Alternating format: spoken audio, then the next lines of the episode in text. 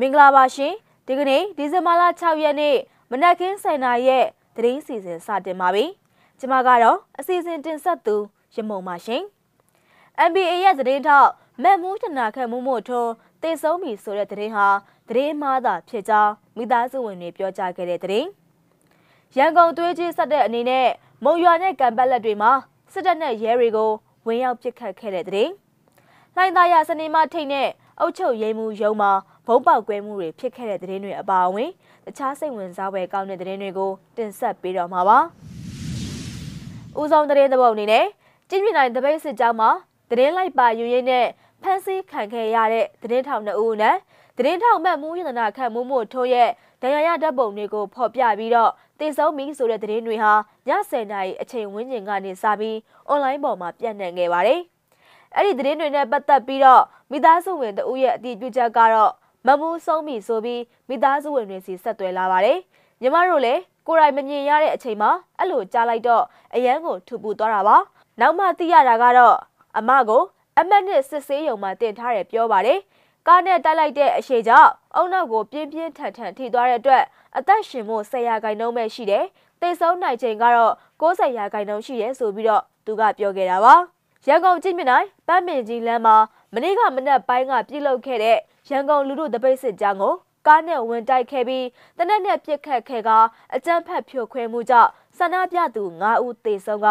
အနည်းဆုံး12ဦးဒဏ်ရာရရှိခဲ့ပြီး15ဦးဖမ်းဆီးခံခဲ့ရတယ်လို့သတင်းတွေထွက်ပေါ်လျက်ရှိနေပါတယ်။တပိတ်စစ်ကြောင်းမှာသတင်းလိုက်ပါယူခဲ့တဲ့မြန်မာ Press Photo Agency ရဲ့သတင်းထောက်ကိုကောင်းဆက်လင်းနဲ့ရုပ်သံသတင်းထောက် မတ်မူးသနာခတ်မှုမှုထုံးတို့ကိုလည်းစစ်ကောင်စီကဖမ်းဆီးခဲ့တာပါ။ဖမ်းဆီးခံရတဲ့သတင်းထောက်တို့ဟာအခုချိန်ထိမိသားစုဝင်တွေနဲ့အဆက်အသွယ်မရရှိသေးကြောင်းသိရှိရပါတယ်ရှင်။နောက်ထပ်သတင်းသဘောက်အနေနဲ့ရန်ကုန်သွေးကြီးဆက်တဲ့အနေနဲ့မုံရွာနဲ့ကံပတ်လက်တွေမှာစစ်တပ်နဲ့ရဲတွေကိုဝင်ရောက်ပစ်ခတ်ခဲ့တဲ့သတင်းကိုတင်ဆက်ပေးပါမယ်။ရန်ကုန်မှာစစ်တပ်ကဆန္ဒပြလူငယ်တွေကိုစစ်ကားနဲ့တိုက်တက်ပြီးတဲ့နောက်မှာတော့မုံရွာနဲ့ကံပတ်လက်တို့မှာ စစ်ကောင်စီစခန်းတွေနဲ့ရဲစခန်းတွေကိုဒေသကာကွယ်ရေးတပ်တွေကဝင်ရောက်တိုက်ခိုက်ခဲ့တဲ့အတွက်ရဲနဲ့စစ်သားတွေတေဆုံးခဲ့ကြောင်းဒေသကာကွယ်ရေးတပ်တွေကသတင်းထုတ်ပြန်ပါတယ်။စကိုင်းတိုင်းမုံရွာမြို့မြမစီးပွားရေးဗန်ဆောင်ရဲတပ်သားတွေကိုမနေ့ကညနေ9နာရီဝန်းကျင်ခန့်ကမုံရွာမြို့ပြပျောက်ကြားတပ်ဖွဲ့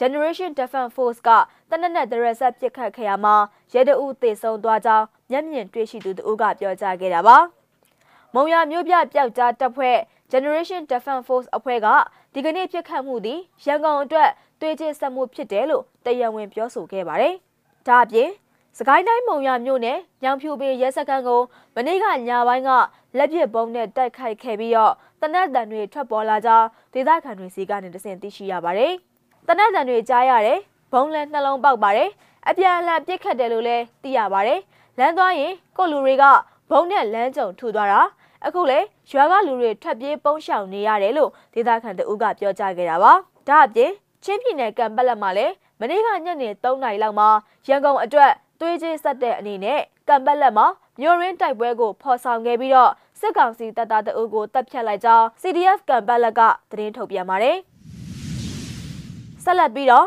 လှိုင်သာယာစနေမထိတ်နဲ့အုတ်ချုပ်ရေးမှုရုံမှာပောက်ကွဲမှုတွေဖြစ်ပွားခဲ့တဲ့သတင်းကိုတင်ဆက်ပေးပါမယ်။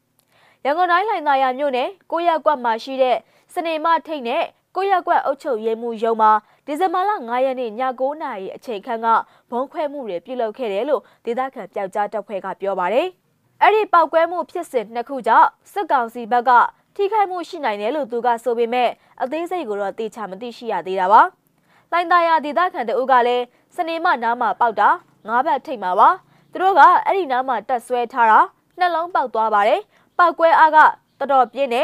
တနက်တန်တွေလည်းကြားရတယ်လို့သူကဆက်ပြောပါတယ်။နိုဝင်ဘာလ20ရက်နေ့ကလည်းလှိုင်သာယာမြို့နယ်အနော်ရထားလမ်းမကြီးပေါ်မှာရှိတဲ့တောင်ကြီးရဲစခန်းမှာပောက်ကွဲမှုဖြစ်ပွားခဲ့ပါသေးတယ်